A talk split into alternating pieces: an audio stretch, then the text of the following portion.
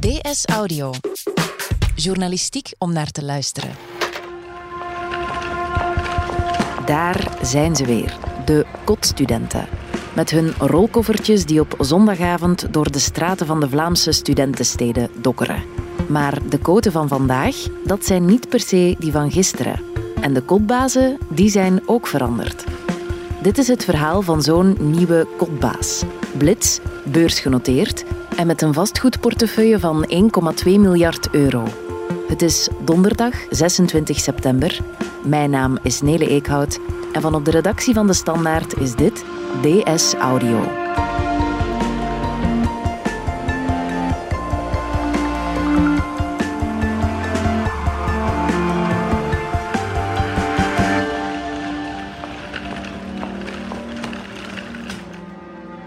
Karsten Lemmes, redacteur economie bij De Standaard. Heb jij zelf ooit op kot gezeten? Ik heb ooit op kot gezeten, in Antwerpen en in Brussel. Kan je ons even jouw studentenkamer omschrijven? Mijn studentenkamer was een kamer in zo'n oud herenhuis dat betere tijden had gekend met verf die van de muren bladerde. En in Brussel had ik het geluk mijn eigen keukentje en badkamer te hebben, maar de gemeenschappelijke ruimte, daar bleef je liever weg, zoals het toilet. Daar kwam je beter niet. In Antwerpen hadden we een gemeenschappelijke keuken bijvoorbeeld. Waar iedereen op tijd zijn afwas deed? Uh, ja, niet bepaald. Hè. Dat, dat, waren torens waar je bijna niet meer door kon kijken en waar uh, nieuwe levensvormen aan het ontstaan waren. Mm -hmm. Daar leek het wel op. Hoe lang is dit ongeveer geleden? Een 10 à 15 jaar zal dat zijn. Was er toen al wifi voorzien in het doorsneekot? Wifi, wij hadden amper internet. De eerste jaren was er zelfs geen internet. Ik herinner mij nog de dag dat de kotbaas internet had geïnstalleerd. Dat was een uh, glorieus moment. En toen hadden we allemaal zo'n ethernetkabel die door de trappenhal naar boven werd getrokken. En ieder mocht die dan om de beurt in zijn computer pluggen. En soms werkte dat en dan, hoe, dan hadden we internet. Feest. En hoorde daar ook een kotbaas bij? Daar hoorden kotbazen bij. Ja, ik heb er dus twee gehad. Mm -hmm. De ene in Brussel, dat was een, uh, een professor aan de VUB, die ja, een beetje op zichzelf in zijn kamertje in dat kotgebouw in boeken zat te lezen. En die, die daar ook zelf woonde? Die woonde daar zelf ja. ook. En het was een beetje een teruggetrokken type. En, en die verhuurde gewoon de rest van het gebouw. En in Antwerpen was dat ja, typisch zo iemand die het huis van de buren had gekocht en daar koten van had gemaakt. Dus zo een uh, gezinsman. Mm -hmm. ja. Een gezinsman, geen CEO met een groot kotbedrijf. Tenzij ik hem compleet verkeerd heb ingeschat, denk ik niet dat hij een groot bedrijf had. Nee. Maar zo'n kotbazen die een groot bedrijf hebben met koten, die bestaan dus wel, zoals deze man. Ik ben uh, Christian Teunissen. Ik ben de CEO en de oprichter van uh, Xior Student Housing. We zijn eigenlijk pure player in studentenkamers. De enige uh, beursgenoteerde verhuurder van studentenkamers op het Europees continent. en wij investeren op dit moment in studentenkamers in België, Nederland, Spanje en Portugal. Xior, daar heb jij een artikel over geschreven, Karsten. Wat voor bedrijf is dat juist? Wel, Xior is een vastgoedbedrijf dat zich specifiek richt op studenten. Zij bouwen studentenwoningen, zij strippen oude gebouwen, maken daar moderne koten van. En zij verhuren die voor aardig wat geld aan, aan studenten. En ze zijn zo een hele grote speler geworden in de lage landen. De grootste kotbaas zou je um, Christian Teunissen, de CEO van dat bedrijf, wel eens kunnen noemen. Van de grootste kotbaas van Nederland en België.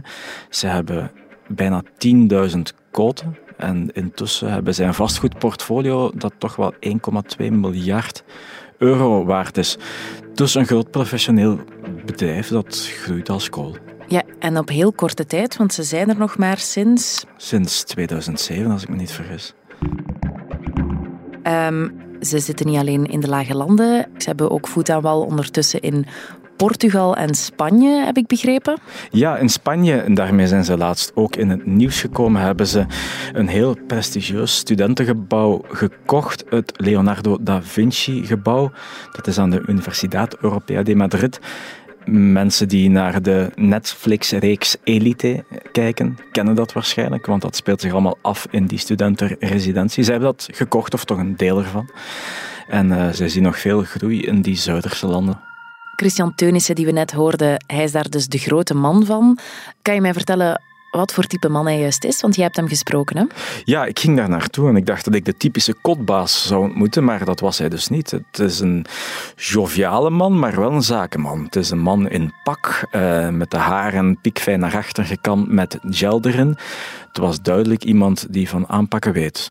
Het is dus een succesvolle zakenman, maar zoals iedereen is ook hij begonnen als een student op kot. En ja, daar is het eigenlijk allemaal mee begonnen. Ik had uh, muizen op mijn kot. Ik deelde dat denk ik met 13 uh, studenten. In een kleine kamer, uh, daar hoorde er allemaal bij. wij hadden een gemeenschappelijke badkamer waar ik in de douche eigenlijk bijna niet durfde gaan douchen omdat elektriciteitskabels er langs bloot hingen. Nu zouden we zeggen schandalig. en toen was dat echt het kotleven schandalig, maar dat was het kotleven nu eenmaal een beetje. Een beetje uh, rock en roll, toch? Ja, zo was het vroeger toch zeker. Uh, op kot gaan, dat was een beetje georganiseerde chaos, leek het soms wel. Maar toen is Christian Teunissen naar een ander gebouw gegaan dat wel wat meer in orde was, waar de, ja, de eisen toch een beetje hoger lagen. En hij kwam er in contact met een kotbaas die toch een andere blik had op wat dat inhield, een kot uitbaten, en die toch wel meer kwaliteit nastreefde. En toen ging er bij hem wel een lichtje branden. Dat is een droom voor mij om dat ook te doen, want ik zag hoe hij ermee omging, hoe hij met de studenten omging. En dat was, ja, dat was gewoon een droom. Een droom waar hij jaren later uh, een unieke kans in krijgt. Ja, want een aantal jaar na het aflopen van zijn studententijd, hij was toen een carrière aan het najagen, um, klopte plots die kotbaas van destijds op zijn deur en die zei... Zeg, dat was toch uw droom? Wilt je niet een gebouw kopen? Ik zeg, ja, absoluut.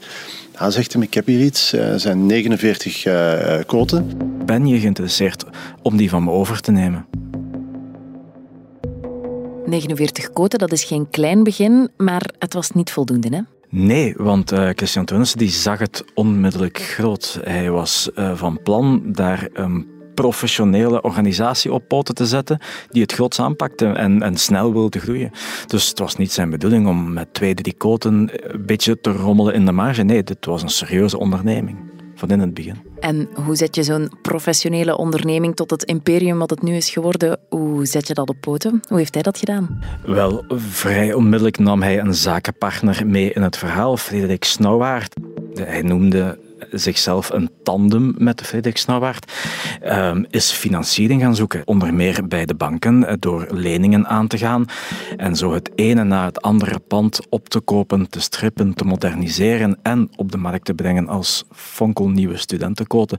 Ze zijn begonnen in Leuven. We hebben een heel aantal uh, uh, aankopen en, en, verbouwingen gedaan in Leuven. Maar ze zijn niet in Leuven gebleven. En ze hebben daarna al heel snel richting Antwerpen en richting Nederland gegaan. Omdat daar ook de markt uh, uh, voorhanden was. Antwerpen, Gent, Utrecht, Breda, noem maar op. Overal waar in België of Nederland studenten rondlopen, strijkt ook Xior neer. En zo is het eigenlijk razendsnel gegaan. 2007 begonnen met 49 uh, koten. Uh, in 2015, begin 2015, uh, zagen we dat we toch wel een, een, grote portefeuille aan het opbouwen waren. Ze zien hun bedrijf alleen maar groeien, want een paar jaar later zijn er zelfs Xior-koten in Spanje en Portugal te vinden. Hetzelfde verhaal daar, een te klein aanbod studentenquoten, een te groot aantal studenten, dus er is veel vraag. Maar zo'n bedrijf laten groeien, al die gebouwen kopen, strippen, verhuren, dat kost natuurlijk heel veel geld. En het stelde Christian Teunissen en zijn zakenpartner voor een aantal uitdagingen, onder meer het vraagstuk hoe het nu eigenlijk verder moest natuurlijk veel uh, leningen, hè, schuld bij de bank. Dat we ook eens gingen kijken samen met de bank, wat gaan we doen? Gaan we uh, het bedrijf verkopen? Gaan we er verder mee? En wij hadden echt op dat moment het gevoel van, dit verhaal is niet een einde. Uh, dat is maar juist begonnen. En in december 2015 hebben we dan een succesvolle IPO gedaan, zoals ze zeggen. Een IPO, dat moet je mij uitleggen. Wel, een IPO, dat staat voor Initial Public Offering. En dat is eigenlijk een beursgang. Dat is wat er gebeurt wanneer je een bedrijf naar de beurs brengt. En dus een deel van je aandelen ten gelde maakt op de beurs en aan investeerders daar gaat verkopen.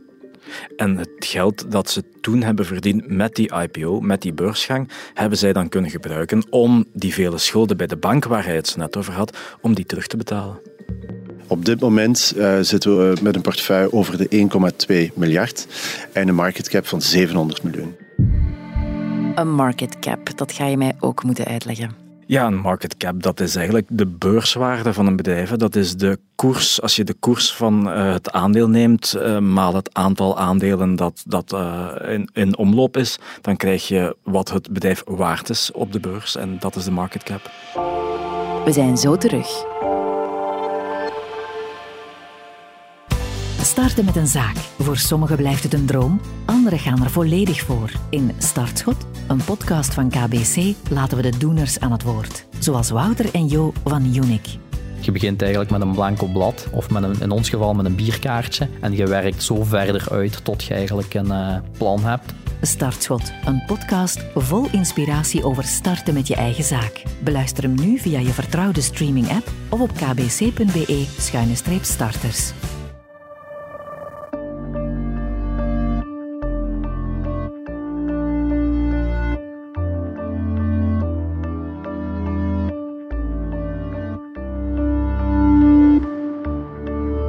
We spreken over bedragen van 700 miljoen, 1,2 miljard. Dat is allemaal gigantisch veel geld. Maar hoe komt het nu dat Xior zo groot is kunnen worden? Omdat eigenlijk alles meezat. Ze zitten in een groeiende markt met een vraag die alleen maar toeneemt. Het zijn tijden waarin geld heel goedkoop is. Kapitaal is heel goedkoop. De interest is heel laag tegenwoordig. Eh, de rente staat heel laag, dus uh, dat steunt ons in, in de vastgoedwereld uh, enorm. Dus alle voorwaarden waren voorhanden om hier een succes van te maken. Alles lijkt hier mee te zitten. Christian Teunissen lijkt een gat in de markt te hebben gevonden. Waarom doet niet iedereen het dan, wat hij heeft gedaan? Ja, het is natuurlijk makkelijker gezegd dan gedaan. Hè. Uh, alles zit een beetje mee, maar je moet natuurlijk wel het kapitaal vinden. Je moet natuurlijk wel de operationele kunsten beheersen om dit tot een succes te maken. Je moet ook doorzetten en die schaal opzoeken. Er komt ook wel wat risico bij kijken. Hè. Zulke investeringen van miljoenen en miljoenen, dat doet niet iedereen. Dat is niet voor iedereen weggelegd. Dus ja, makkelijker gezegd dan gedaan, zou ik zeggen. Is Xior de enige speler? Op de beurs waren zij als eerste. Op het continent zijn we inderdaad alleen. In de UK hebben we wel uh, enkele uh, tegenhangers die uh, op de beurs zijn. Maar ze zijn zeker niet alleen. Er zijn nog heel veel andere spelers ook op de markt. Xior is weliswaar de grootste, maar je hebt er ook andere. Bijvoorbeeld Upgrade Estate, een bedrijf dat is ontstaan uit het Gentse is zich ook aan het ontwikkelen tot een grotere speler. Zij hebben tussen 2000 bedden in zeven steden. Dus nee, ze zijn niet alleen. Er zijn ook grote private equity players uh, die in Nederland en Spanje, Portugal actief zijn. En uh, die ook uh, flink investeren in studentenkamers. Ja, je zal het niet geloven, maar een private equity player, ook dat zal je mij moeten uitleggen. Ja, wat hij eigenlijk zegt is dat dat gewoon grote bedrijven zijn, maar die niet beursgenoteerd zijn. Dat die werken met kapitaal van investeerders, van investeringsmaatschappijen bijvoorbeeld. Dus ook grote spelers, maar niet beursgenoteerd. Dat is wat hij wil zeggen. Grote spelers, dat betekent dat het wel een markt is waar heel veel vraag is dan nu. Ja, de vraag is veel groter dan het aanbod. Hè. Kijk maar naar Tilburg, dat is een mooi voorbeeld. Afgelopen zomer werden daar zelfs internationale studenten in tenten gelogeerd, gewoon omdat er geen studentenkamers voor hen voorhanden waren. Christian Teunissen zei dat er het komend jaar in Nederland nood aan 41.000 studentenkamers. Dus er is nog wel wat ruimte voor groei daar. Het aantal studenten stijgt en ook het aantal internationale studenten neemt toe. Hè. Buitenlandse studenten, zelfs van over de grenzen van het continent, die naar hier komen om te studeren, die hebben allemaal huisvesting nodig. En Xior ziet dat ook pakt dat professioneel aan met een blitse, overzichtelijke website. Dat maakt het voor hen onmiddellijk erg interessant om daar te gaan aankloppen voor een studentenkamer. We hebben dan ook de verandering in aanbod. Dus ook de gemeentes zijn gaan kijken van ja, dit kan niet meer. Het aanbod van, van studentenkamers op dit moment is schrijnend. En het aanbod is simpel niet aanwezig. Ze zijn met meer, de studenten, en ze willen vandaag de dag misschien ook andere dingen.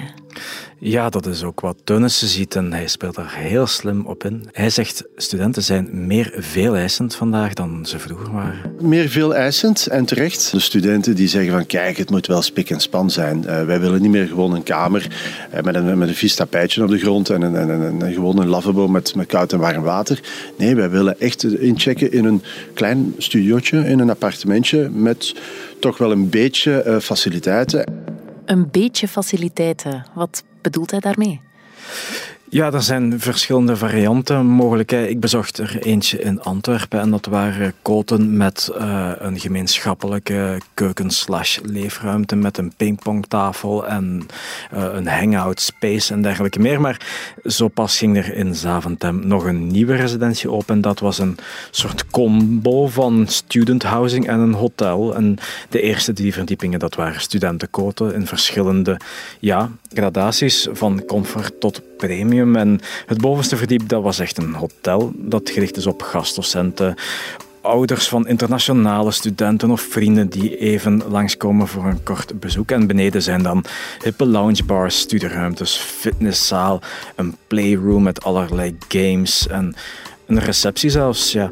Er is ook een Deleuze en een restaurant en koffiebarretje. Het hotelgevoel zit er natuurlijk al een beetje in bij de studenten, maar hier hebben we nu een vergunning gekregen waar een derde van het aantal units echt wel een, een short stay concept moest zijn. Dus het, niet echt puur hotel, maar echt het, een beetje de mix van een studentenkamer en een hotel. Het is de bedoeling dat hotelgasten en studenten daar een beetje gaan mingelen en dat je zo'n heel jong, hip, energetisch geheel krijgt. Dat klinkt allemaal redelijk luxueus, moet ik zeggen. Een studentenkamer en een hotel, dat zijn twee verschillende uh, dingen. Is het nog wel betaalbaar? Wel, Xior zegt dat het zich een beetje in het midden van de markt positioneert. Ze zijn niet de goedkoopste, maar ze zijn ook niet de duurste. Laten we zeggen dat we, dat we ergens uh, met toch al een eigen badkamer in, dat we uh, uh, richting de 450 gaan. dat we met een studio richting 500, over de 500 gaan. De koten die ik heb bezocht in Antwerpen, dat waren ja, kleine kamertjes, uh, 17 vierkante meter, dus groot is dat niet, maar het was wel in orde. En daar betaal je kosten inclusief 465 euro per maand voor. Dat klinkt allemaal heel goed geregeld, heel clean, misschien onpersoonlijk ook. Dat valt nog wel mee, denk ik. In Antwerpen bijvoorbeeld, waar ik een bezoek heb gebracht aan zo'n XIO-residentie, daar sprak ik met een studente en die vond het helemaal niet onpersoonlijk. Ze zei, we zitten hier op onze verdieping met 35 studenten en we zien elkaar in de keuken. Dus we hebben niet het gevoel dat we hier met 200 mensen samen in een gebouw zitten. Nee, het zijn meer die 35 mensen die we elke dag zien. En dan nog komt sommige, komen sommigen hun kamer nooit uit. Dus in de praktijk is dat een groepje van een twintigtal mensen waar je frequent mee in contact komt. Dus is dat zo onpersoonlijk? Die studenten zijn in elk geval van niet. Ik probeer ze allemaal bij naam te kennen. Dat is onmogelijk natuurlijk. Uh, met uh, kerstmis gaan we een cadeautje geven. We gaan iets doen met Pasen. Uh, tijdens het examen geven wij een luxe ontbijt. Ja, zulke dingen doen ze dan wel om het allemaal persoonlijker te maken. Ze een luxe ontbijt. Ik heb op mijn kant nooit een luxe ontbijt gekregen, in elk geval van Die studenten willen gewoon niet meer naar huis voor kerst en Pasen? Nee, die willen daar gewoon blijven. Ze zitten daar een beetje op hotel. En in veel van die residenties is er dan ook een coach. Dat is dan een soort van kotbaas, vermoed ik? Ja, ik heb er zo eentje gesproken en die noemde zichzelf de kotmadam. En uh, zij vertelde dat studenten zelfs wel bij haar komen uithuilen tijdens examenperiodes. Wanneer ze er eventjes doorzitten, ze noemde die studenten zelfs haar vervangkinderen een beetje. En daarboven heb je natuurlijk dat hele grote bedrijf dat Xior wel is. Wij hebben uh, open kantoren, dus wij zijn de 24 op 7 bereikbaar sowieso. Uh, maar morgens om 9 uur gaat het kantoor open tot s avonds en uh, kunnen ze gewoon binnenkomen. Ze kunnen een babbeltje doen. Ze kunnen eens komen uithuilen als het examen niet goed is. Gebeurt. Dit lijkt een beetje het studentenleven van de toekomst. Is dat dan het einde van het studentenleven zoals we het kennen? Het einde is natuurlijk wel veel gezegd. In elk geval lijkt het wel dat hiermee een soort professionalisering van het kotleven in gang is gezet. Hè. Dat het iets minder amateuristisch is dan het vroeger misschien was. En dat het iets nu minder rock and roll ook? Iets minder rock and roll, iets, iets meer afgelikt, om het zo te zeggen. Maar om nu te zeggen dat het hele kotleven daarmee op de schop is gegaan, zo pessimistisch ben ik nu toch ook weer niet. Het geeft de kleinere spelers misschien ook een schop onder de kont over de standaard die ze moeten bereiken? Ja, de lat komt al maar hoger te liggen natuurlijk. Hè. En dat vertaalt zich ook in de regelgeving. Bijvoorbeeld de eisen waar koten aan moeten voldoen. Denk maar aan brandveiligheid. Die worden er niet bepaald lakser op. En voor een groot bedrijf als Xior is het makkelijker om daaraan tegemoet te komen. En het zal voor de kleine jongens nog een uitdaging zijn om in dezelfde mate mee te kunnen in die professionalisering.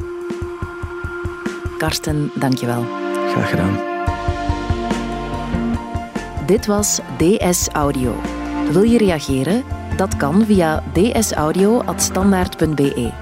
In deze aflevering hoorde je Karsten Lemmes en mezelf, Nele Eekhout. De redactie gebeurde door Fien Dille. De eindredactie door Wouter van Driessen. Joris van Damme deed de audioproductie. Brecht Plasgaard schreef de muziek die je hoorde in deze podcast. Chef audio is Wouter van Driessen. Vond je deze podcast interessant? Weet dan dat je er elke werkdag één kunt beluisteren. Dat kan via de DS Nieuws app of via standaard.be-audio. Je kunt je ook abonneren via iTunes, Spotify of de podcast-app van je keuze. En als je daar dan toch bent, schrijf gerust een review. Zo toon je ook anderen de weg. Morgen zijn we er opnieuw.